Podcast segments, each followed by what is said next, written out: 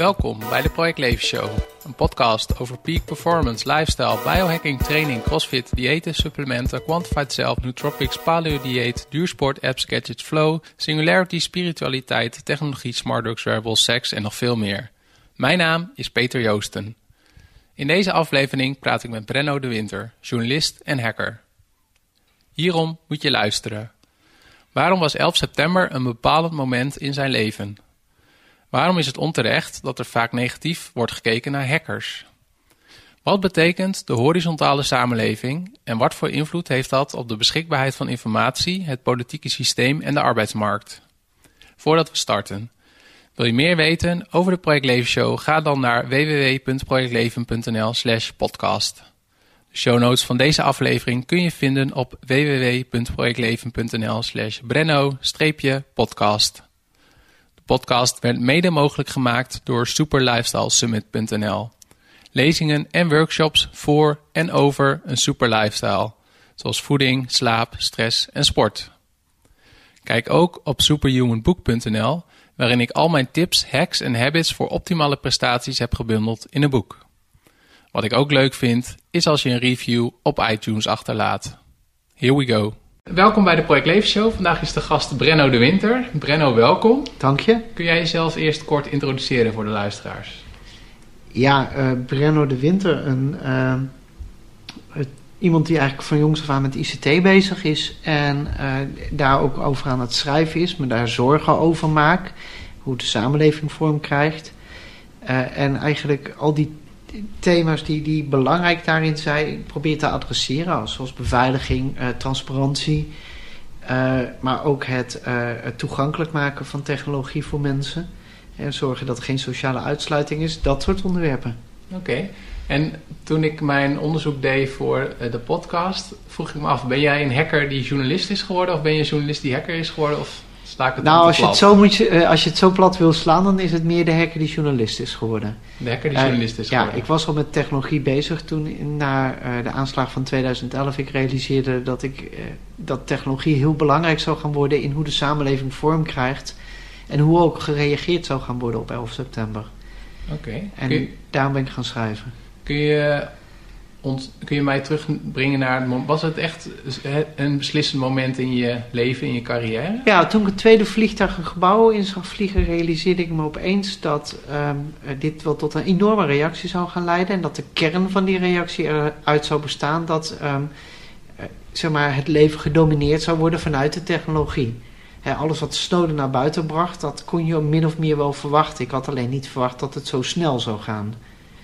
Maar uh, dat, dat er een overheid bezig zou gaan om mensen volledig in kaart te brengen en volledig proberen te domineren en te sturen, uh, dat was wel heel, heel waarschijnlijk, ja. Ja, want wat deed jij op dat moment? Toen was je... Ik schreef toen al over ICT. Ik zat bij Microsoft op een persconferentie. En ik kreeg door dat er iets aan de hand was, omdat mijn vader me op dat moment tipte, terwijl hij wist dat ik niet gestoord wilde worden. Dus ik had wel door van, hé, hey, dit is belangrijk. Ja. En toen heel snel uh, ik doorkreeg dat er twee vliegtuigen betrokken waren, uh, toen was me ook wel duidelijk dat dit een heel ernstig iets was. Ja. Ja. En toen um, was bij jou de impact van de gebeurtenis en daarna dus al vrij snel de, het, doorvertalen van, oké, okay, wat betekent dat dan voor tegenreactie van de Amerikaanse overheid en andere overheden? Ja, nou niet. Ja, ja eigenlijk wel. Uh, wat, wat betekent. Uh, wat, wat doet een overheid dan?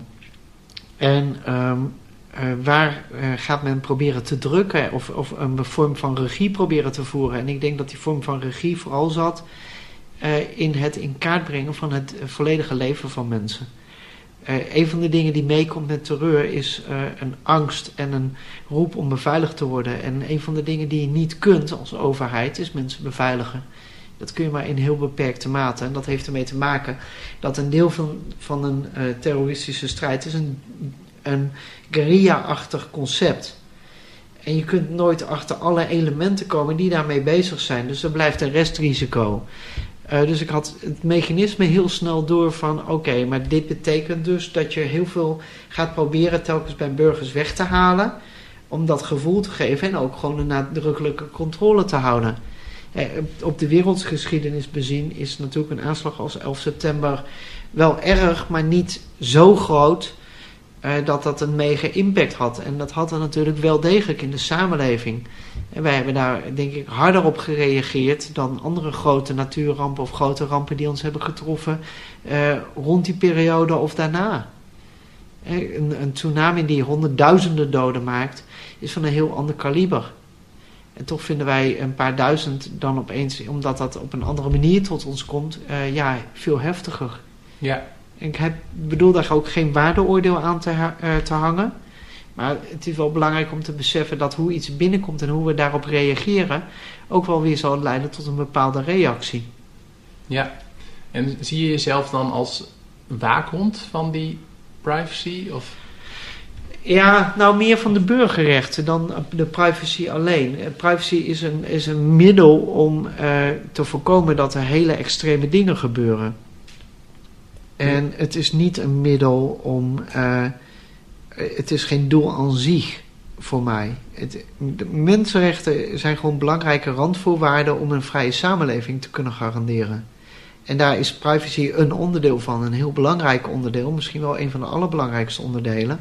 Maar ook een verbod op martelen, een recht op leven zijn natuurlijk een heel belangrijk onderdeel. Ja. En uh, het, het lastige natuurlijk van, van mensenrechten is, is dat het een samenspel is. En dat waar ik een rol voor mezelf zie weggelegd, maar niet, zeker niet exclusief, alles behalve, uh, is dat je dat debat zo eerlijk mogelijk laat verlopen. En privacy delft heel vaak het onderspit, omdat het wordt weggezet tegen iets anders en dan is dat het maar. En het is maar de vraag of je dan het debat ten volle voert. Ja. Dus dat, ja. En um, dan nog even terug naar een meer persoonlijk niveau. Um, jij geeft daar nu veel lezingen over en je schrijft veel over deze thema's. Hoe, zie, hoe ziet een reguliere dag voor Brenno de Winter eruit? Nou, gelukkig uh, voor mij, uh, er bestaat geen reguliere dag. Uh, ik heb dagen dat, die heel relaxed zijn en gewoon ergens rond 9 uur is beginnen met opstaan. En ik heb dagen die beginnen met half zes opstaan en die pas na middernacht weer eindigen. En wat ik daartussen doe is eigenlijk... Um, ik heb drie belangrijke momenten, die probeer ik wel te handhaven. Dat is ontbijt, lunch en avondeten. Lukt niet altijd, maar dat zijn eigenlijk de drie belangrijke richtpunten. En voor de rest is uh, de dag gewoon wel wat de dag brengt. Dus dat hangt. Ik heb een heel wisselende agenda. Dus soms heb ik de, de luxe om uren te zitten schrijven of onderzoek te doen. En soms is het een dag lang hollen. Ik heb overmorgen zo'n dag waarbij ik drie lezingen heb ook nog verspreid her en der over het land, ja, dan is het rondgezen. Ja. Dan is het echt stress. Uh, maar uh, ja, sommige dagen, uh, bijvoorbeeld ik doe ook heel veel met de wet openbaarheid van bestuur. Ja, dan is het ook heel vaak wachten. En heel bizar, maar dat ben ik steeds leuker gaan vinden. Dan kun je gewoon ergens een laptop openklappen en heerlijk gaan zitten werken. Want het wachten houdt in dat je bij een gerechtshof komt of bij een... Bij een rechtbank komt en dat je dan nog niet aan de beurt bent of er wordt uitgelopen. En ja, ik probeer daar maar mijn schema telkens nu zo goed mogelijk op in te richten. En die tijd ook echt te gebruiken om uh, dan online te zijn, dingen uit te zoeken. Uh, eigenlijk vooral met dan... Ja, mijn kantoor is eigenlijk overal. Dat kan zijn in een trein, in een bus, in een tram. Uh, op een rechtbank of gewoon bij me thuis of een kantoor bij, uh, of een kantoorhoekje wat ik heb bij een stichting. Uh, is maar net ja, hoe dat die dag uitpakt. Dus er is geen, geen vaste, zo ziet de dag van Brenno eruit. Nee. Heb je een, uh, wat ontbijt jij? Wat heb je vanochtend ontbeten? Uh, vanochtend heb ik eigenlijk weinig ontbeten. Een beetje jus en wat yoghurt. Um, maar ja, als ik lekker ontbijt, dan ontbijt ik gebakken eitjes. Oh ja. Dat vind ik echt gewoon heerlijk. En dan vooral zelf bakken. En dan heb ik daar een heel ding van gemaakt inmiddels. Er komt zelfs oregano aan te pas. Dus uh, ja, gewoon echt koken. Ja. Sowieso vind ik koken iets fantastisch. Ook als je een dag kunt thuiswerken is het heerlijk om gewoon die middag ook bezig te zijn met een, met een heel maal te maken. Zelfs zo'n simpele spaghetti bolognese duurt bij mij wel een uurtje of vijf om te maken. Oh, dan ben ik wel benieuwd naar het geheime recept. Maar dat is misschien nou, het voor, is uh, vooral heel lang koken en heel, uh, en heel langzaam laten koken. Bijvoorbeeld, en iets als een wortel laat ik dan ook helemaal zeg, per stuk koken. En, zodat het ook echt helemaal fijn verspreid is door de, door de saus heen. Uh, niet zuinig te zijn met kruiden en rode wijn en zo. Maar daar gewoon heel veel tijd voor te nemen. En het meeste eten wordt gewoon lekkerder als je daar gewoon wat liefde en zorg in steekt. Ja. En ehm, het is misschien wel een hele gekke vraag hoor, maar het komt bij me op. Zit daar ook een vergelijking in met zeg maar, je achtergrond als hacker? Dus dat je probeert een, spaghetti bolognese zo te ontleden, zo te hacken als het ware, dat die heel lekker wordt? Nou, koken is ook natuurlijk wel iets als programmeren of als hacken. In, in de zin van, uh, als je dat, met liefde, zorg en, en een beetje doordacht doet, dan krijg je gewoon een mooie eindresultaat. En uh, de broncode van een programma uh, zie ik ook als een recept. Dus ja, als je vraagt van ja, wat is het geheime recept? Ik heb geen geheime recept en ik deel het graag. Want als mensen een leuke tijd hebben, vind ik het alleen maar leuk als mensen dat zelf ook gaan doen. En ik zou juist mensen aanmoedigen ook te gaan koken. Dus, en zo geloof ik ook wel dat software uh, beter kan worden. Juist door informatie te delen uh, komt de samenleving verder. Zeker in een informatietijdperk. Ja, um, daar, want een van de dingen die dan bij me opkomt is uh, open source. Ja. Daar ben jij ook heel druk mee geweest en nog steeds. Uh, hoe kan het dat ik nog steeds het beeld heb dat het nog niet zo'n vlucht neemt? Of zijn er meer dingen open source dan ik op het eerste oog zie? Er zijn meer dingen open source dan, je, dan de, het gemiddelde oog ziet. Dus, dus in die zin uh, is dat wel zo. Maar het is iets wat in, vooral in Nederland heel moeizaam van de grond komt. En ik denk dat dat te maken heeft ook met onze cultuur.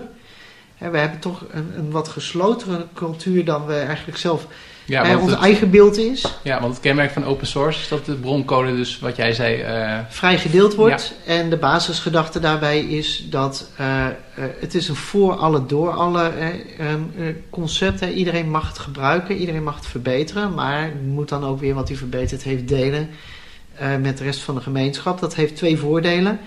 Eén, je krijgt peer review. Dus je krijgt toch vreemde ogen die kijken of het allemaal wel goed gaat. En tweede voordeel is dat je beveiligingslekken sneller op de radar hebt. En dus kunt fixen. Punt is wel dat als je open source doet, dan moet je daar. Dat is, heel vaak wordt het verkocht als zijnde gratis. Het feit dat je geen licentie betekent, is niet, betekent niet dat je iets gratis krijgt. Het feit dat je een licentie niet hoeft te betalen, betekent eigenlijk dat je dat geld zou moeten steken in het verbeteren van het product in het kijken naar de kwaliteit. En we hebben ook in de recente geschiedenis meerdere voorbeelden gezien van hele ernstige lekken in systemen, die gewoon met een gebrek aan, en daar zijn we weer, aandacht te maken hebben. En dan wordt er alleen maar geïnstalleerd en, en um, uitgerold en er wordt niet gekeken naar de kwaliteit. Ja, als, als een ontwikkelaar alleen iets maakt, zullen er altijd fouten in zitten. En wat je merkt in Nederland is vooral dat wij een cultuur hebben van dat wij niet zo houden van mensen die in de keuken komen kijken en uh, zich ergens mee bemoeien. Een leuk voorbeeld is, ik ben nu bezig, uh, of we hebben een huis gekocht, mevrouw en ik. En dat ja, wordt schitterend nu... huis trouwens. Ja, goed, heel mooi hè. Ja. En daar zijn ze nu aan het bouwen. En een van de toekomstige bewoners die komt op het idee om een bouwkundige keuring te laten uitvoeren. En de eerste reactie van het bouwbedrijf is: dat is niet nodig, want wij maken geen fouten. Dat is precies die mentaliteit. Nou, na wat druk over en weer is er dan toch, nu zijn er een aantal momenten vastgesteld dat er tussentijdse keuringen komen. De eerste keuring vindt plaats en er worden fouten gevonden. Met het voordeel dat het nu niet hoeft te leiden tot een schadeclaim, maar nu nog gefixt kan worden. Dus dat meekijken in de, in de keuken heeft hele grote voordelen. Alleen dat moet je wel uh, je zo durven op te stellen dat je kwetsbaar bent en durft toe te geven dat je fouten maakt. En natuurlijk, mm, vanuit jezelf is dat ingewikkeld, want ja, niemand wil ho horen dat je fouten maakt. Is alleen wel de realiteit. En als we kijken natuurlijk naar software, zeker bij de overheid, dan zie je dat de meeste projecten toch heel moeizaam lopen. Ja, en eh, je noemde net, uh, we hebben een aantal voorbeelden gezien uit de afgelopen jaren waarin lekken uh, optreden. En uh, wat zijn voorbeelden waar jij direct aan denkt, waarvan jij vindt dat die de grootste impact hebben gehad? Nou, dat zijn twee vragen in één. Hè? Want wat zijn de grootste incidenten? misschien zijn het wel de dingen die we niet voor elkaar krijgen. het niet goed genoeg toegankelijk krijgen van de archieven. Uh, van Nederland. Het niet, uh, uh, nog steeds niet uniform kunnen bedienen van de burger. vind ik echt, vind ik echt een heel groot falen van, van de overheid. En wat ook, ook iets wat de digitalisering heel erg in de weg staat. Je kunt natuurlijk denken aan, aan mislukte projecten ook, of, of heel problematisch verlopen trajecten. Uh, van defensie tot de Belastingdienst tot in de transportsector. En het grappige is dat al die trajecten hebben een aantal kenmerken die iedere keer hetzelfde zijn. veel te optimistisch aan een project begonnen. een, een houding hebben gehad van, dat van alles nog kan wijzigen gaandeweg de rit. Veel te optimistisch begroot. Als er dingen misgaan, dat toch ja, niet elke keer als een probleem zien, maar een beetje voor je uitschuiven. En dan blijkt je opeens uit de tijd of uit je geld of uit iets anders te lopen. Dan ga je opeens doelen bijstellen en dan is eigenlijk het systeem toch niet geworden wat je wilde. dat aan één kant en aan de andere kant een soort kramp waarbij het ook niet meer leuk is of oké is dat je misschien soms wat geld. Um, ja, misschien ook zelfs bijna over de balk snijdt. En dat je soms een ontdekkingstocht, ICT is soms ook gewoon een ontdekkingstocht waarbij je technologie moet leren kennen. En dat je dan niet gewoon kleinschalig dingen probeert en zegt van nou oké, dit is het wel en dit is het niet. En dat, dat ook niet willen en, en dat lacherige eromheen, dat vind ik echt een heel groot probleem. Uh, dus, dus het is heel lastig om het specifiek te zeggen. Maar de grotere ambities hebben um, om, om zaken goed te regelen in dit land. Hè, dus documenten toegankelijk, dat de burger echt kan communiceren met de overheid. Uh, dat de basale rechten van burgers goed gewaarborgd zijn. Uh, dat vind ik het grootste falen. Daar komen we straks nog meer over te spreken. Jij noemde ontdekkingstocht. Hoe ben jij toen je jong was in je ontdekkingstocht op ICT, computers en hacken terechtgekomen? Ik mocht uh, als klein kind mijn vader was al erg van technologie, dus we hadden al heel vroeg computers in huis. Ik mocht ook heel snel mee met mijn vader uh, naar zijn werk en daar op een grotere computer van een verzekeraar spelen. En die heb ik dan ook meer dan eens platgelegd. Uh, kleine programma's maken. en gewoon van allerlei dingen uitproberen. En op een gegeven moment kom je met mensen in contact die datzelfde leuk vinden. Je valt op een aantal punten buiten een groep. Uh, en zo ben ik heel langzaam ook in contact gekomen met uh, wat mensen die bezig waren met de randen van systemen op te zoeken. Ja, dat is een uh, definitie van hackers, de randen van systemen opzoeken. Soms wordt het ook best wel negatief gezien. Ja. Kom jij dat ook vaak tegen? Ja, dat kom je heel veel tegen. Vooral um, in Nederland heeft het Openbaar Ministerie er een handje van om, uh, om al heel snel iets als hacken te bestempelen. Recentelijk is dan de, de, zijn de aanha tussen aanhalingstekens de hackers van de Belastingdienst aangehouden. Nou, dat blijken dan jongetjes te zijn die hebben gedreigd om een website plat te leggen met een standaard tool. Uh, ja, dat kun je. Uh, dat zou je hacken kunnen noemen. Hè, computervredebruik of het, het, manipuleren van systemen. En, en dan wordt het vaak onder de verzamelterm hacker gezien. Maar van oudsher is de term juist mensen die iets bijzonders met een systeem doen. Iets eruit halen wat er ogenschijnlijk niet in zat. Om een leuk voorbeeld te geven. IKEA heeft een klein tafeltje, het lek, lek. En dat was heel goedkoop. En op een gegeven moment ontdekken hackers dat de breedte precies breed genoeg is om een 19-inch kast in te hangen. Dus lek is inmiddels een lek rack geworden. En dat is gewoon een 19-inch rack, wat uh, nu 6 euro, ik geloof dat IKEA bijna de prijs verdubbeld heeft, uh, eh, 6 euro kost. En dan kun je dus heel goedkoop uh, computersystemen en netwerksystemen inhangen. Op hackersconferenties enorm populair en natuurlijk ook gewoon super leuk. En dat is gewoon even een briljante ingeving van iemand van, nou, dit kun je er ook mee doen. Dat vind ik een, een voorbeeld, uh, veel meer van wat, wat hacken ook hoort te zijn, is de randen van systemen opzoeken en de randen van mogelijkheden opzoeken. En het rare is dat als het over technologie gaat, we het niet normaal vinden. Maar uh, als mensen dat doen met uh, parkeerregels of uh, een overheid doet het met het ombuigen van regels in hun eigen vorm, dan accepteren we dat heel, eh, heel erg. Ook al is dat misschien niet hoe het bedoeld is. Maar bij technologie vinden mensen dat toch een beetje eng. En dan hangt er een soort negatieve zweem omheen. Uh, ik vind dat heel jammer. En ik denk ook dat we dat niet zouden moeten hebben. En we zouden af en toe eens wat nuchterder kunnen zijn. En mensen die dus de Belastingdienst hebben bedreigd, zijn dus gewoon bedreigers. En geen hackers. En als we een tool kunnen beheren die ervoor gemaakt is om systemen plat te leggen, dan ben je niet aan het hacken.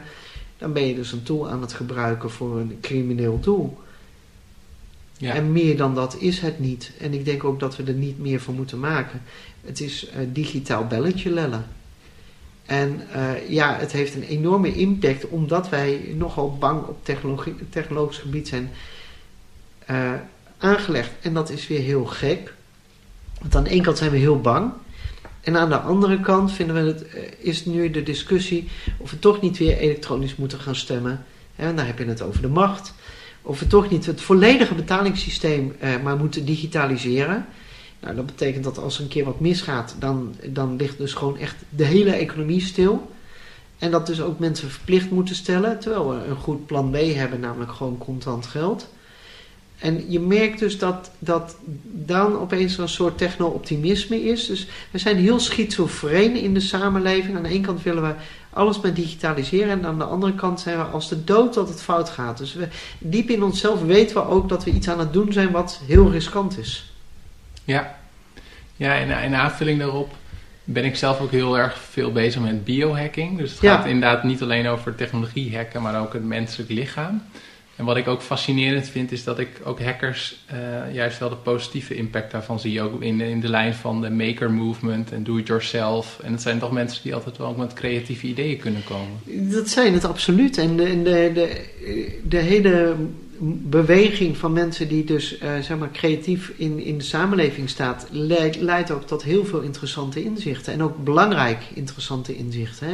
Eén kan, iets kan leuk zijn, maar het is de hackergemeenschap die tijdig heeft ehm, gewaarschuwd voor bijvoorbeeld eh, de gevaren van eh, digitaal stemmen. En als je nu kijkt naar hoe dat dan nu wordt opgelost, eh, heeft men nog steeds geen antwoord op die vraag. En dat komt voort uit een beweging van mensen die allemaal ehm, overwegend dure computersystemen kopen, goed zijn uitgerust met allerhande tools. En die roepen de hele tijd: hey, ehm, zoek je grenzen, hou je grenzen in de gaten. En die roepen aan de andere kant ook heel erg van: kijk eens wat je hier voor coole dingen mee kunt doen. En er is een groep mensen bezig om een hacker op de maan te zetten. Gewoon omdat het kan. Een burgerproject om mensen op de maan neer te zetten is, is alleen al streven al fantastisch. Waar kunnen we dat vinden? Of kan ik een link opnemen in de show notes? eh? Ehm, ik weet niet of daar een site voor is, maar er is op een gegeven moment een, een groep hackers bezig geweest eh, tijdens eh Hart 2000. eh, nee, te- eh, tijdens Oom 2013 is dat aangekondigd. ja, dus dat zou je even moeten googlen. ja. Maar daar is gewoon een groep mensen mee bezig. En die is dus gewoon aan het on- stapjes onderzoek doen. Dat kan misschien nog wel twintig jaar duren. Maar het betekent wel dat heel goed wordt gedocumenteerd wat zij hebben gevonden. En dat die kennis ook wordt gedeeld. En wat het allemaal doet, juist zo'n hackergemeenschap, is de samenleving horizontaler maken. Informatie toegankelijk maken voor een brede groep mensen. En eigenlijk eh, in mijn volgende boek verwijs ik ook naar Martin Luther. eh, die op een gegeven moment op een hackermanier eigenlijk eh, informatie toegankelijk is gaan maken. En de katholieke kerk daarmee is gaan ondermijnen. En het duurde nog tientallen jaren voordat ze daar überhaupt een antwoord op hadden. Namelijk eh, sommige boeken verbieden. Dat is eigenlijk wat de hackergemeenschap nu op een heel andere manier aan het doen is. En op een manier die eigenlijk niet meer kan worden gestopt. Dus juist door het toegankelijk maken van informatie helpt vooral die gemeenschap een nieuw tijdperk beginnen. En ehm, om in je analogie mee te gaan. Dus Martin Luther zorgde ook, naar ik goed heb, met de boekdrukkunst onder andere. Ja. En, en om, om de informatie te delen. Maar je zou hetzelfde kunnen zeggen dat internet daarvoor zorgt. Maar jij zegt eigenlijk van nee, internet... Ja, maar internet is natuurlijk afkomstig van mensen die bezig zijn geweest eh, met, met technologieën eh, eh, uit te vinden en uit te proberen. Ehm, en het is diezelfde beweging. En een groot gedeelte van de hackergemeenschap is de beweging die ook de, de protocollen eh, beschikbaar heeft gemaakt. Die protocollen zijn allemaal open toegankelijk. Daarom werkt jouw Mac heel goed met een Windows computer samen, want jij weet niet eens waar een mailtje van iemand anders vandaan komt. Die open protocollen helpen dus om op een hoog plan te komen. En als ik het dus heb over de problematische kant van de overheid, dan is dit precies het probleem. Hè? Dat wij dus wel in staat zijn dit als burgers onderling te doen, eh, maar dat de overheid dit zelf niet voldoende in staat is. En die kunnen wel een technologie gebruiken, maar die kunnen niet die volgende stap zetten. Eh, dat zit er gewoon onvoldoende in op dit moment. En dat is heel problematisch. Ja. En is het bewust zo dat jij ehm, heel veel met de, de, overheid bezig bent? Ja, omdat uh, ik geloof heel erg in dat je de samenleving reguleert op, op een uniforme wijze. En als je dat niet doet, dan verval je tot anarchie. Dat kan ook een keuze zijn. Uh, alleen ik denk niet dat de samenleving nu is aangeland op het punt waarbij je uh, tot anarchie zou moeten vervallen. En dan is dus de overheid de enige plek waar je dingen goed kunt regelen. En als je dat goed wil doen, uh, dan moet je wel een, een, een, bestendige structuur hebben. En ik twijfel of momenteel die structuur niet aan het ondermijnen zijn. En dat zou heel gevaarlijk zijn. En wie zijn wij? Wij is eigenlijk de hele samenleving, maar misschien wel de politiek voorop. Hè. Je, je ziet een, een het centrum van de macht zou dan zijn de Tweede Kamer. Nou, daar kun je zelfs al aan gaan twijfelen of het centrum van de macht niet verdeeld is tussen aan de enerzijds Europa en anderzijds de gemeente. want er is zoveel gedecentraliseerd dat langzamerhand de rol van de nationale overheid minder belangrijk is geworden. En veel ook bijvoorbeeld bij gemeenterust.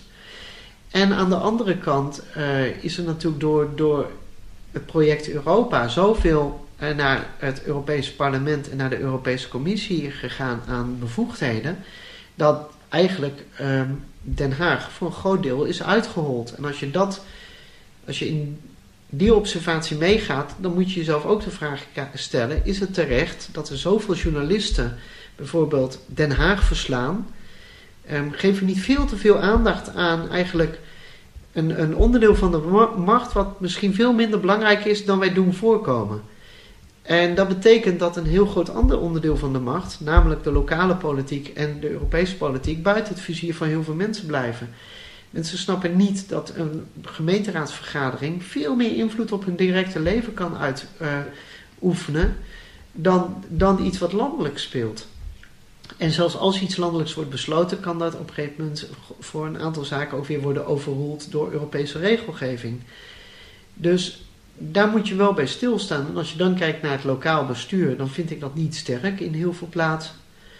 Uh, je merkt dat de media, hè, toch de controlerende macht, naar, als een, parlement dat moet doen, uh, die blijft in heel veel gebieden in Nederland achterwege of is, is heel erg uitgekleed.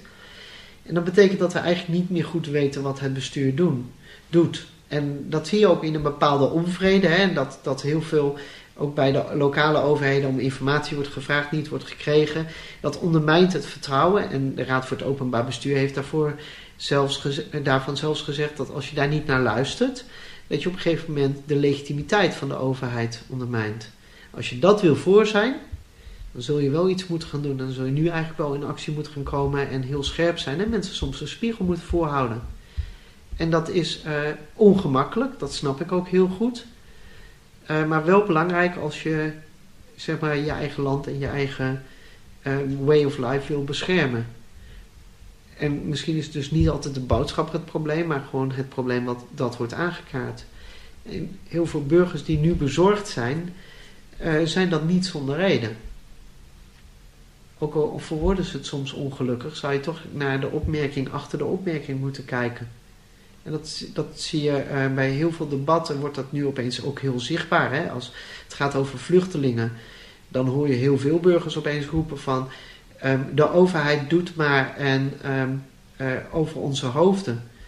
Dat is een heel gevaarlijke opmerking, want dat is eigenlijk um, het, het, begin van... ik vind dat deze, deze overheid er niet meer legitiem zit. En dat is het begin van anarchie. En jij um, hebt naar mijn beeld relatief weinig medestanders eigenlijk in jouw rol als, uh, ja, hoe zou ik het noemen, als om aandacht te vragen voor wat er speelt en wat er nu gaande is. En je nou, ontmoet ook wel weerstand, denk ik. Ik ontmoet, ontmoet veel weerstand. Uh, dat is ook logisch. Ik weet niet of ik weinig medestanders heb. Ik heb wel degelijk medestanders, maar ik ben ook niet bezig als een actiegroep of een actiebeweging. En uh, dan had ik een andere rol moeten kiezen. Um, ik ben vooral iemand die uh, nu documenteert en probeert mensen te waarschuwen en dat gewoon bij ze neerlegt. En als mensen daar niet naar willen luisteren, vind ik ook dat het bij een eerlijk politiek debat hoort, dat het daar dan ook ophoudt voor het gedeelte. Het is alleen een beetje lullig als zeg maar, de negatieve gevolgen er wel komen. Maar in, ja, nee, klopt. Ik heb niet, ehm, ik heb niet een hele beweging achter me van, van duizenden mensen die. Geen eh, ambities. Nee, totaal niet. Ik denk namelijk dat al die bewegingen ehm, eh, ook niet tot heel veel gaan leiden. En eh, ik heb slechts een van de grote thema's die er nu zijn, eh, die bespeel ik. En heel veel andere thema's niet. En daar zouden we wel eens heel anders over kunnen denken. En als je aanvaardt dat we informatiesamenleving ingaan, dan is juist de beweging die alomvattend is, die, is, die heeft geen leven meer. Want eh, in de horizontale samenleving werkt zo dat jij en ik elkaar nu op één thema kunnen vinden en morgen elkaars tegenstander kunnen zijn. Ehm, en dat heeft natuurlijk te maken met de, de beweging van, van een horizontale sa- samenleving is in zwermen. En zo'n zwerm was bijvoorbeeld zo'n referendum, hè, als geen stel dat start, eh, dat hele geen pijlreferendum, dat was heel nadrukkelijk een beweging, een zwerm, waar mensen of tegen waren of voor waren, eh, eh, maar niet realiseren dat dat nou precies de horizontale samenleving is. En morgen kan geen stel een thema aansnijden waar, waar je opeens radicaal voor of tegen bent. Maar dat zegt niks over het vorige onderwerp. En wat natuurlijk het probleem is, dat wij nu een structuur hebben eh, met vakbonden, met eh, politieke partijen, eh, waar het grootste deel van de burgers zich niet in kan vinden. Ja, op één of twee thema's, maar niet, niet, op het, niet voor het gros. En daardoor zie je ook dat die structuren aan het omvallen zijn. Die zijn eindig. Ja. Misschien vind je één politieke partij verschrikkelijk, maar één politicus niet. Dus dit, dit, dit gaat al verder. Dit gaat eigenlijk ook over het hele houdt het systeem. Het, waar- het systeem zoals we, nu, zoals we nu zien, is ernstig aan vervanging toe. Het politieke systeem zoals wij nu kennen, Mhm. ehm, is eindig en ehm, ehm, zal op deze manier niet kunnen eh, voortbestaan eh, op termijn. Daar zul je andere vormen voor moeten gaan vinden. Die zal veel horizontaler moeten. Dat kan misschien worden geregeld door een bepaalde invloed van mensen. Ehm, het zou kunnen gebeuren doordat je misschien politieke partijen gedeeltelijk of geheel afschaft. Maar dus je, je zult nu op een aantal punten, misschien zul je meer referenda moeten hebben. Je moet iets gaan verzinnen, waardoor die burger er veel meer bij betrokken is dan nu het geval is. Het eens naar de, in de vier jaar naar een stembus gaan, is een plaatje wat eindig is. Dat is jouw eh, heilige, heilige overtuiging. Het is gewoon, ja, je kunt het een overtuiging noemen. Het is, Het is denk gewoon een ook feit. gewoon- het is een realisatie van ehm, wat er nu gaande is en wat niet functioneert. Ja, Eh, Het werkt niet als je ehm, eh, continu onvrede in de samenleving hebt. Eh, dat, dat werkt niet. Dat, Nee. dat beklijft niet en daar kun je geen, geen eh, bestuur op bouwen wat eh, eh, het vertrouwen houdt. Op dit moment staat het bestuur continu onder druk. Dan wil je dat vertrouwen behouden, dan heb je of continu een ramp nodig zodat het volk zich verenigt, hè, zodat we één grote zwerm zijn. En als je dat niet kunt realiseren, dan is, is de logische stap dat je op een andere manier die burger erbij betrekt. En dat hoeft niet te zijn dat een burger altijd zijn zin krijgt, maar wel betrokken is bij de besluitvorming. Een horizontale samenleving wil betrokken zijn, beïnvloed worden, zelf beïnvloeden ehm, en snappen wat er gebeurt. Als je die vraag niet beantwoordt, eh, dan, k- dan toon je aan je legitimiteit. En dat is nu gaande. ja. Voordat we gaan naar de horizontale samenleving, ehm, denk de mensen die eh, niet zo in het wereldje zitten, die kennen jou denk ik vooral van de OV-chipkaart, Ja. of OV-kaart. Kun je ons nog meenemen in hoe, eh, hoe kwam jij ooit op het idee om die te gaan kraken? Want, Nou, ik was al lang bezig met onderzoek. En ehm, ik kwam eigenlijk op dat onderzoek op een hackerconferentie. Waarbij welk jaar speelt het ongeveer? 2007. Ja. eh, toen zag ik eh, dat de OV-chipkaart, of eigenlijk de, de, die chip, dat die kraakbaar was. En eh, dat kwam al vrij snel in de media. En toen ontstond er toch wel een behoorlijke rel rond, eh, ja, is dit systeem wel te vertrouwen? Wat mij opviel was dat alle verdedigingslinies gingen meteen op. Het was goed geregeld, we hoefden ons geen zorgen te maken. Eh, er werd een TNO-rapport geschreven waarbij we de helft wel mochten zien en de andere helft niet. Nou, dan weet je gewoon dat het compleet foute boel is. En uh, zo waren er toch wel meer dingen waarvan je, waarvan je kon, wel, kon zeggen dat het niet goed zat. En wat uh, gedurende de jaren daarop gebeurde was dat ik steeds vaker uh, merkte dat informatie werd achtergehouden, niet toegankelijk was, verhalen niet klopten.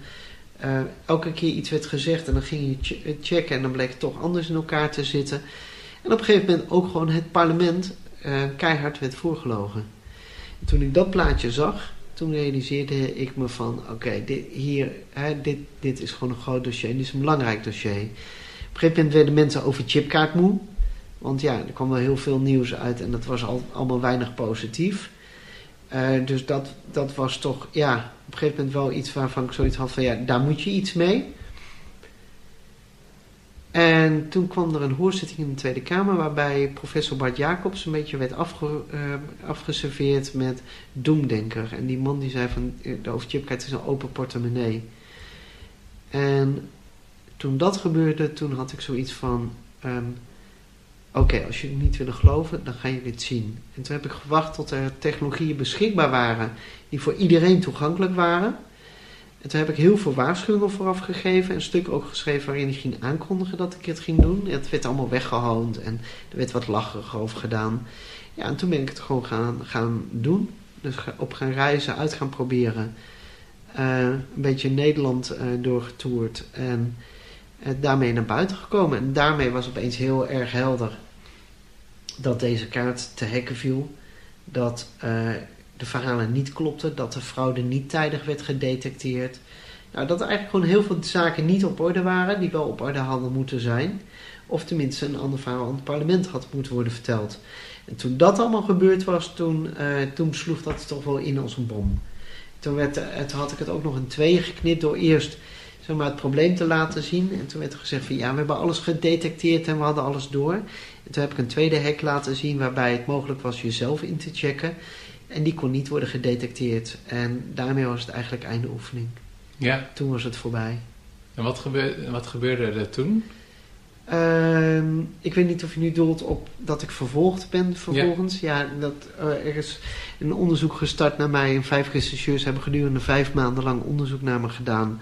Of uh, ik hier strafrechtelijk voor te vervolgen was. Nou, dat bleek natuurlijk niet zo te zijn, want dit was een misstand. Dit was een wel gedocumenteerde misstand. Mijn onderzoek was wel gedocumenteerd en ik was niet zomaar uh, gaan hacken op een gereisde, of gaan reizen op een gehackte kaart.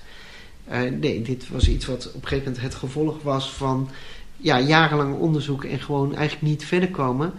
En nog wel iets wat bewezen moest worden.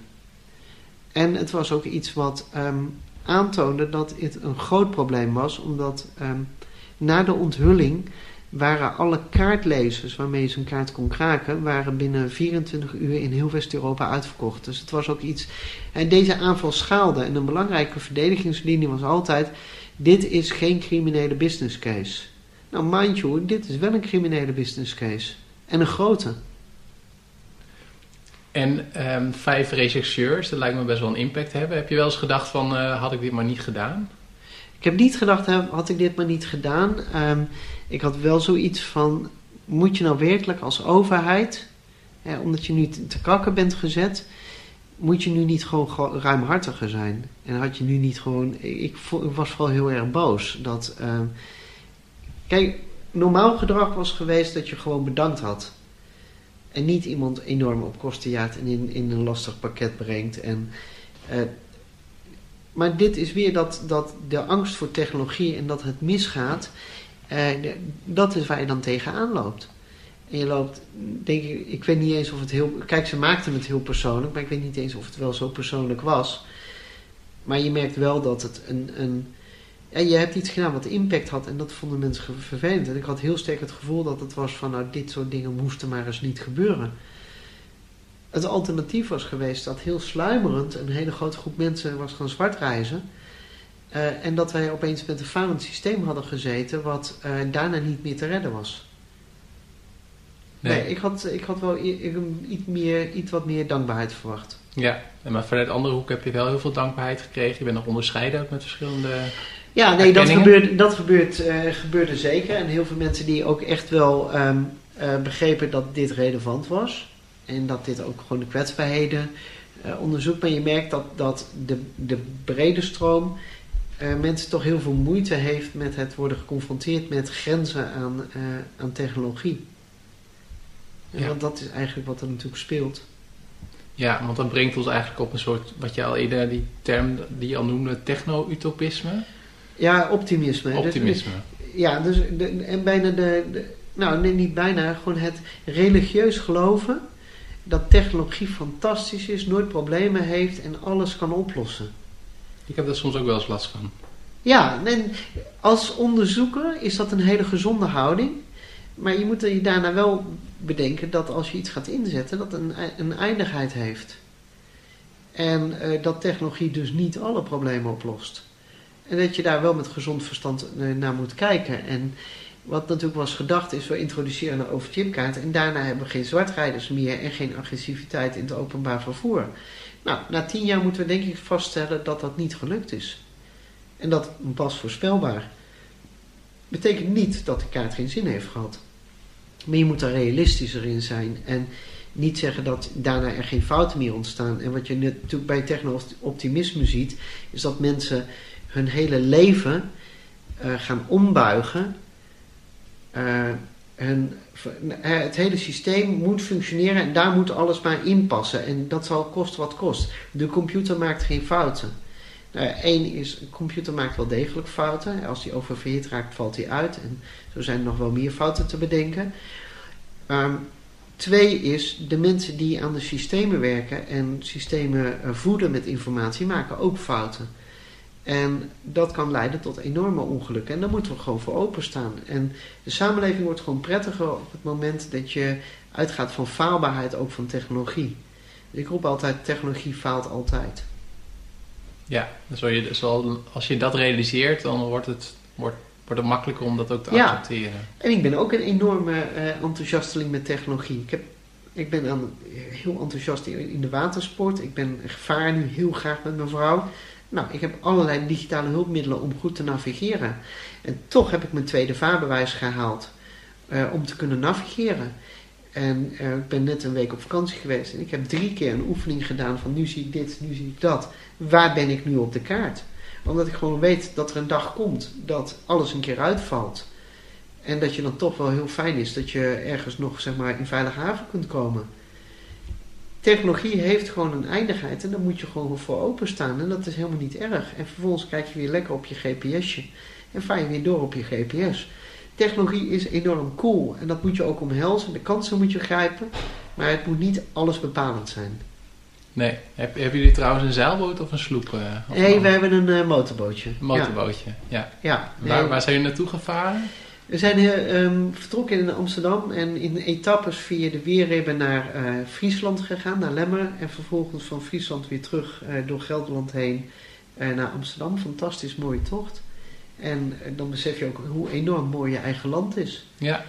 En dan is soms het A-technische misschien wel het allerleukste. ja. Kun je dan vrijkomen van je werk en technologie? Ja, dat lukt me, ehm, lukte me vroeger nooit.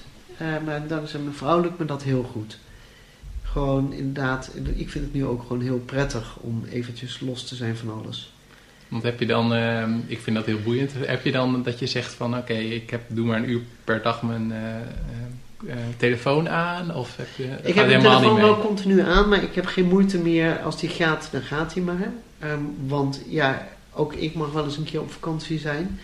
Eh, ik le- lees mijn e-mail dan heel beperkt en ik pik wel uit wat urgent is, uiteraard. Ik bedoel, ik zonder me niet volledig af. Ehm, maar als je even geen ontvangst hebt of eh, je komt op een plek waar even geen walstroom is, ja, dan houd gewoon je laptop na een paar uur ermee op en that's it. En daar zul je het mee moeten doen. En dat vind ik niet heel erg. Nee. Nee. nee.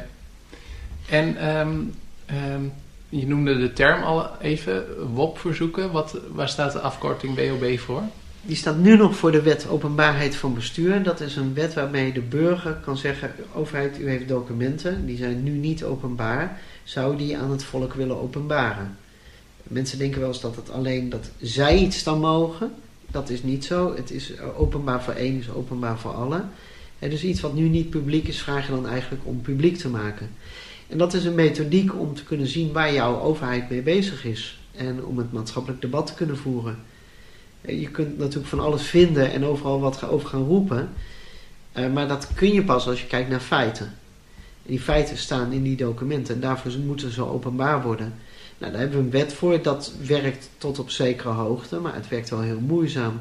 Want je aankomt dan ook tegen een bestuurderscultuur die nog heel erg gericht is op een verticale samenleving. Ik heb een meerderheid in het parlement, dus het volk pikt het. Nou, bijvoorbeeld nu met de hele discussie rond vluchtelingen zie je dat dat dus toch anders werkt.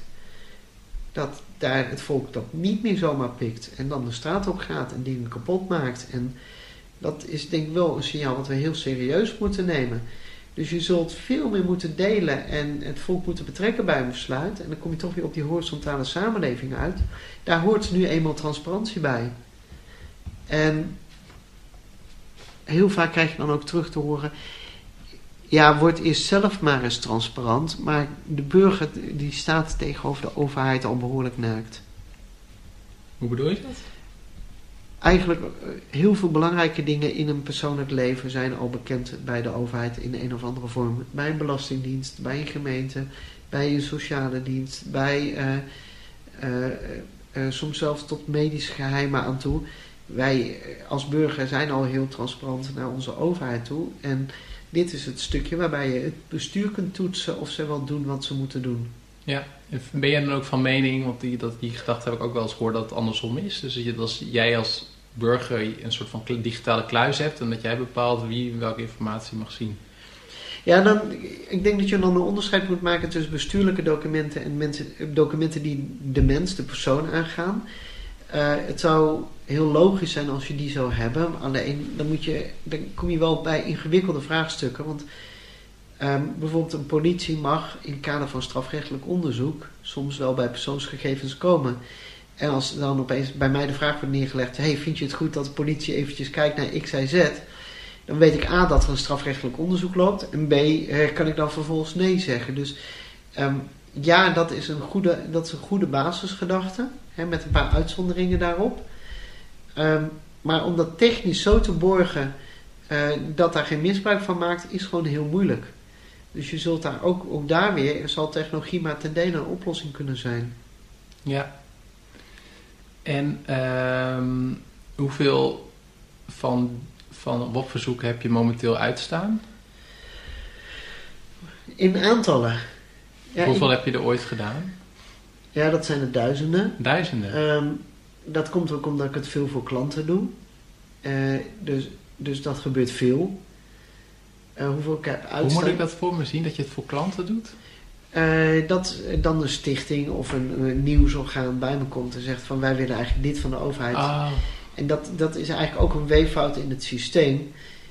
In, in een gezonde relatie tussen burger en overheid zou je eigenlijk moeten hebben dat je een telefoontje pleegt en zegt van nou, ik wil graag dit hebben en dan krijg je het gewoon of je stuurt een mailtje. Nou, wat zie je gebeuren? Gemeenten die zeggen als je mail stuurt dan behandelen we dat al niet. Tot zover de, de digitale samenleving meteen. Dat is gewoon meteen al de deur uit. Dus daar kun je al niet zo gek veel meer ehm, eh, daar, daar kun je al niet veel mee. Dan belanden mensen in een juridisch traject. En dan moet je in bezwaar en beroep. En dan is het allemaal heel ingewikkeld om bij die informatie te komen. Eh, dan wordt er nog wel eens gelogen ehm, eh, in, in zaken. Dus dan, dan moet uiteindelijk toch een rechter eraan te pas komen om, om de campanen uit elkaar te halen. Nou, dat doe ik dus voor klanten. omdat jij heel goed weet hoe die procedures lopen. Ja. En, En dat is, ja, dat, het is heel vervelend. Ik vind het heel jammer dat dat zo moet. Want eh, het, het betekent gewoon dat wij als land nog steeds enorm moeizaam zijn in, in het eh, delen van kennis die gewoon die samenleving wil hebben. En ondertussen komen de thema's wel steeds dichterbij, hè? Die, die leiden tot onrust. Dus je, je zou eigenlijk het tegenovergestelde verwachten, is dat die overheid steeds sneller transparant wordt. Eh, maar het tegendeel is waar. Het duurt ook steeds langer voordat je informatie krijgt. ja, maar die transparantie is wel een van de kernpunten van die horizontale samenleving Ja. waar je over... Ja. eh, Ja, dat is echt, als je dat niet doet, eh, dan, dan toon je aan je geloofwaardigheid en aan je legitimiteit. Ja. En eh, dat geldt trouwens niet alleen voor bestuurders hoor, dat geldt ook voor bedrijven. En voor bedrijven wordt ook niet altijd meer geheimzinnigheid gepikt. En een van de leuke dingen is bijvoorbeeld, ehm, de declaraties van de Tweede Kamer vallen niet onder de WOP. En nu zie je RTL Nieuws op basis van gewoon sociale druk toch die declaraties openbaar krijgen.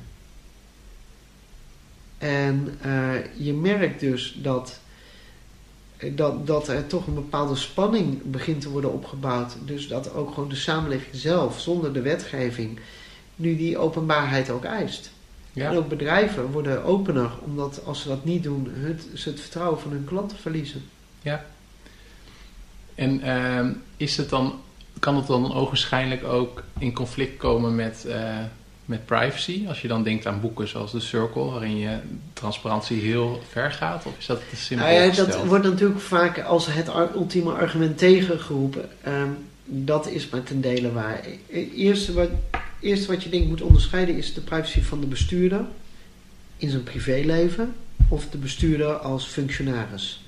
Ja, bij transparantie hoort dat de bestuurder als functionaris dikke vette pech heeft gehad. Dat hoort gewoon openbaar te zijn. Daar betalen we hem voor. Wij zijn de werkgever. Mogen nog weten waar uh, ons personeel mee bezig is.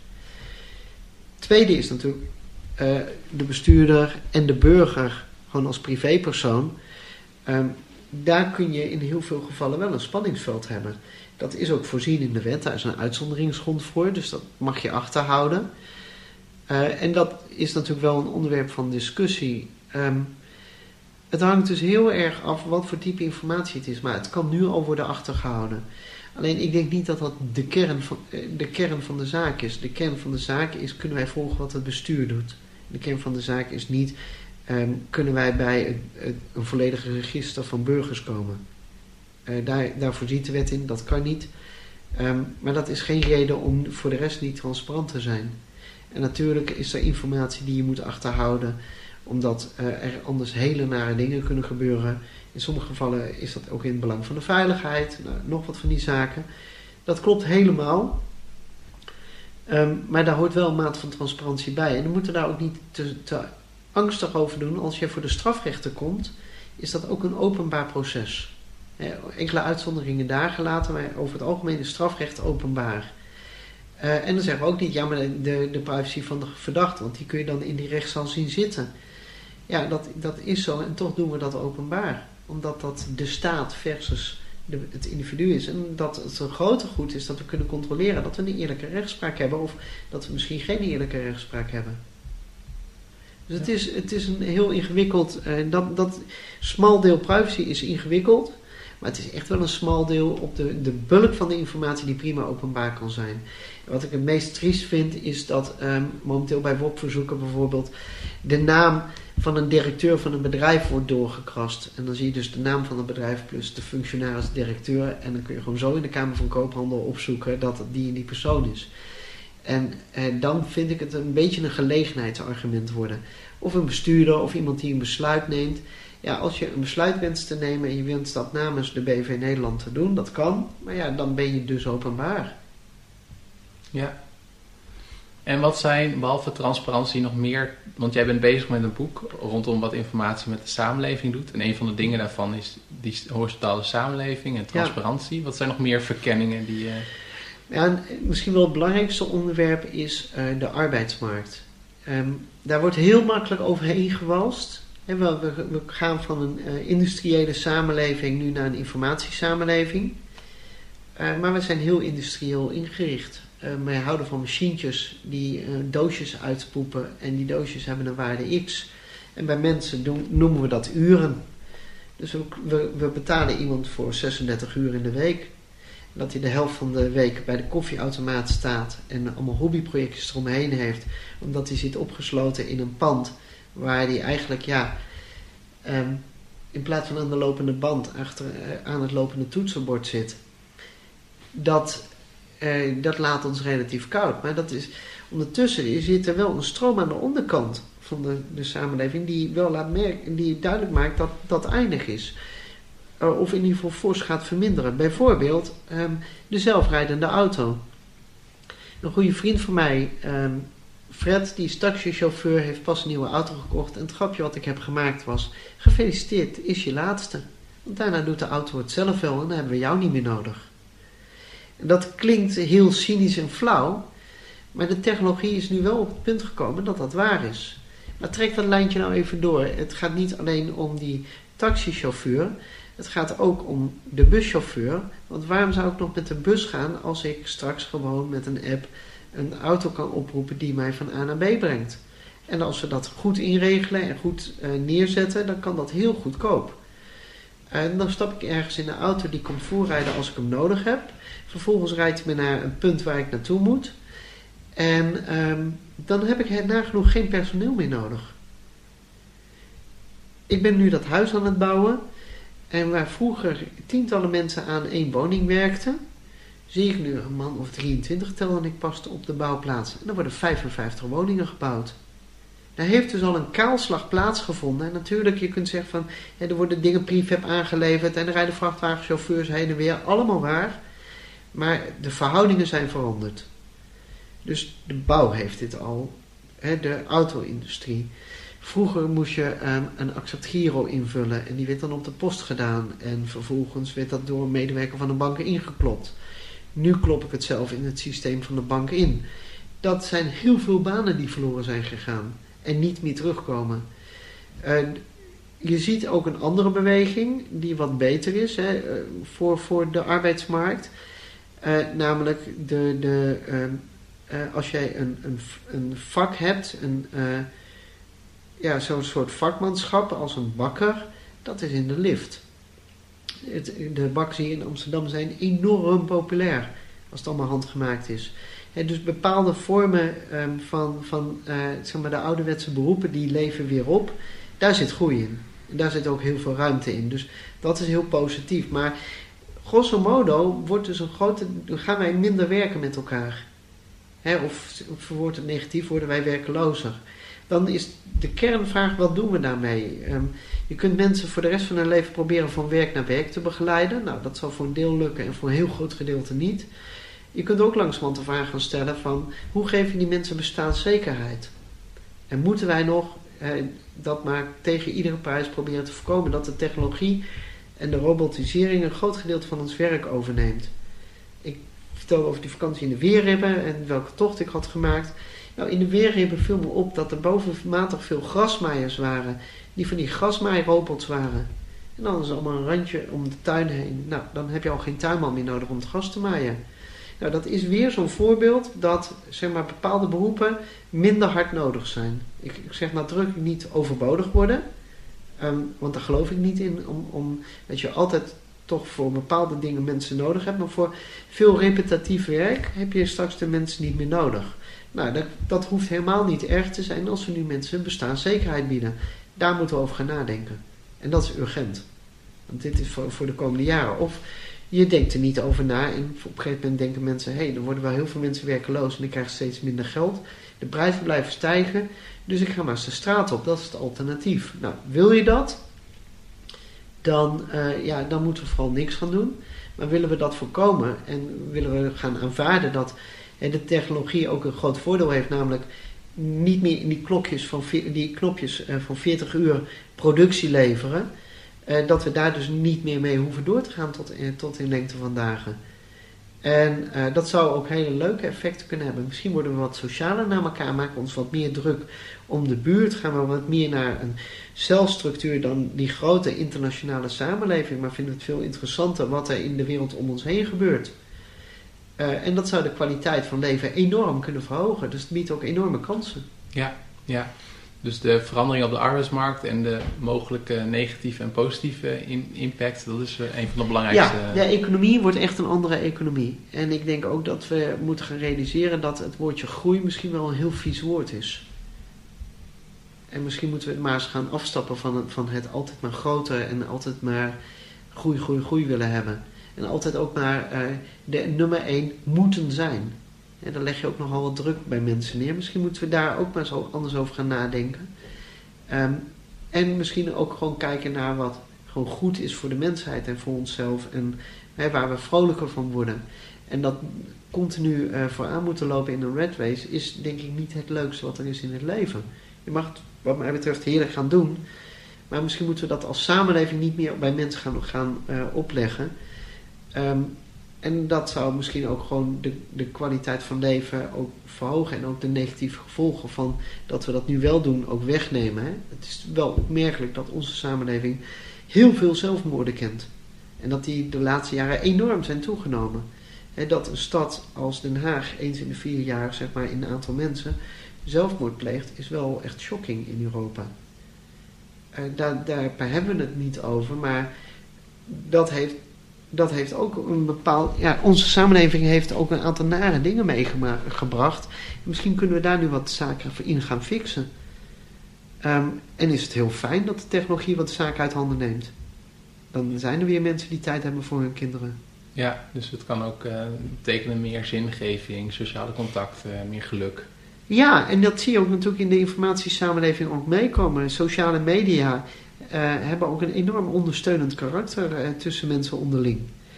Um, dat zou je natuurlijk heel makkelijk, en dat wordt al heel makkelijk, doorgetrokken naar het fysieke leven. Ja. En zijn er, want ik wou richting het einde van het interview nog een aantal vragen stellen die ik aan elke gast stel. Of zijn er nog dingen die je rondom uh, waar je nu mee bezig bent met je boek en je gedachtegoed, wat, ook nog, wat je ook nog zou willen delen? Nou ja, je kunt hier ook niet over nadenken, hè, want dat is natuurlijk gewoon verreweg het makkelijkste. We, we zien wel waar het schip strandt. Um, dan is er wel de, de ijzeren regel op internet, is dat de winner takes it all. En dat gaat dan toch over de beste zijn, dus dat is misschien bijna hm. tegenstrijdig. Uh, maar die zoektocht naar die antwoorden op die vragen, als we dat niet gaan doen, dan worden we misschien wel ernstig ingehaald door uh, heel veel andere landen op een manier dat wij zijn nu heel afhankelijk van productie en groei. Uh, en als dat opeens zou wegvallen, dan, en je hebt geen antwoord op de vragen die dan voor liggen, dan hebben we wel een, een dijk van een probleem. En een op dat moment bijna niet oplosbaar probleem. Dus daar moet je wat mee. Dus ik vind dit wel heel urgent. Dus het is ook ik, wel een oproep om daarover... Ja, ik noem het boek ook Digitale Vloedstorm. Um, omdat dat, eh, het heeft iets urgents in zich. En aan de andere kant, um, ja, wij zijn juist het land van de deltawerken. Uh, wij zijn juist het land dat ook in staat is om die uh, vloedstorm af te wentelen. Ja. En daar misschien ook wel een, een, een, positieve, een positieve draai aan te geven. Het hoeft niet altijd negatief te zijn. Nee. Nee. Ik vind dat een mooi einde aan het inhoudelijke deel van de podcast. Nou ja, misschien is het laatste deel ook nog heel inhoudelijk, dat weet ik niet. Maar ik heb nog een paar korte vragen. En ja. de antwoorden hoeven niet kort te zijn. Wat wilde je worden toen je vroeger klein was? Poeh. Uh, natuurlijk wilde ik ooit bij de politie een brandweerman worden. En uh, ook iets met computers doen, net zoals mijn vader. Uh, eigenlijk, ik heb nooit een vast omlijnd idee gehad. Maar uh, dat, waren, dat waren wel de belangrijkste natuurlijk. Ja. Uh, dus sowieso heb ik ook alle jongensdromen wel gehad. Uh, op de middelbare school wilde ik zelfs priester worden. maar uiteindelijk, ja, weet je, ik vind het niet jammer dat het allemaal wat anders is gelopen. Alles behalve. Heb jij een gewoonte die sommige mensen gek of opvallend of raar vinden?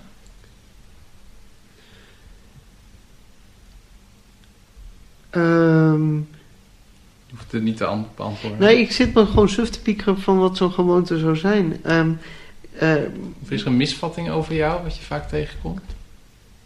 Ja, de, men, de mensen denken dat ik een enorme hekel vaak... Heel, of de mensen kun je natuurlijk niet zeggen... maar heel veel mensen denken dat ik een hekel heb aan uh, de overheid. En uh, daar stoor ik me wel heel erg aan. omdat juist ja, voor mij is ik doe wat ik doe omdat ik enorm van mijn land hou en me enorm zorgen maak. En omdat ik zie dat wat ik doe wel effect sorteert. Het wijzen op datalekken heeft wel eh, geleid tot wetgeving dat er nu een meldplicht is. En nu begin je heel langzaam een kentering te zien in hoe systemen worden ontwikkeld. Hoe wordt nagedacht over het omgaan met persoonsgegevens. Daar moet je soms heel irritant voor zijn. En... Um, nee, dat vind ik niet leuk. Maar dat is wel iets wat meekomt met als je wat wil bereiken. Dus um, het gaat bij mij wel op een manier waar ik soms wel eens last van heb. Ik vind dat wel heel erg als mensen dat van mij denken. Ja. Ja. Wat is je favoriete boek? Mijn favoriete boek? Ja, het, uh, ik denk toch de Innovators Dilemma. En dat Christensen. ja, van Clayton Christensen. En dat heeft toch ermee te maken dat het... Uh, een, een, een, hele leuke paradox weergeeft. En ook een soort. Um, ik vind dat dat boek is echt een wake-up call voor heel veel mensen met wat er belangrijk is en waarom hele grote instituties kunnen omvallen. Ja. ja. En heb je ook een favoriete film of documentaire?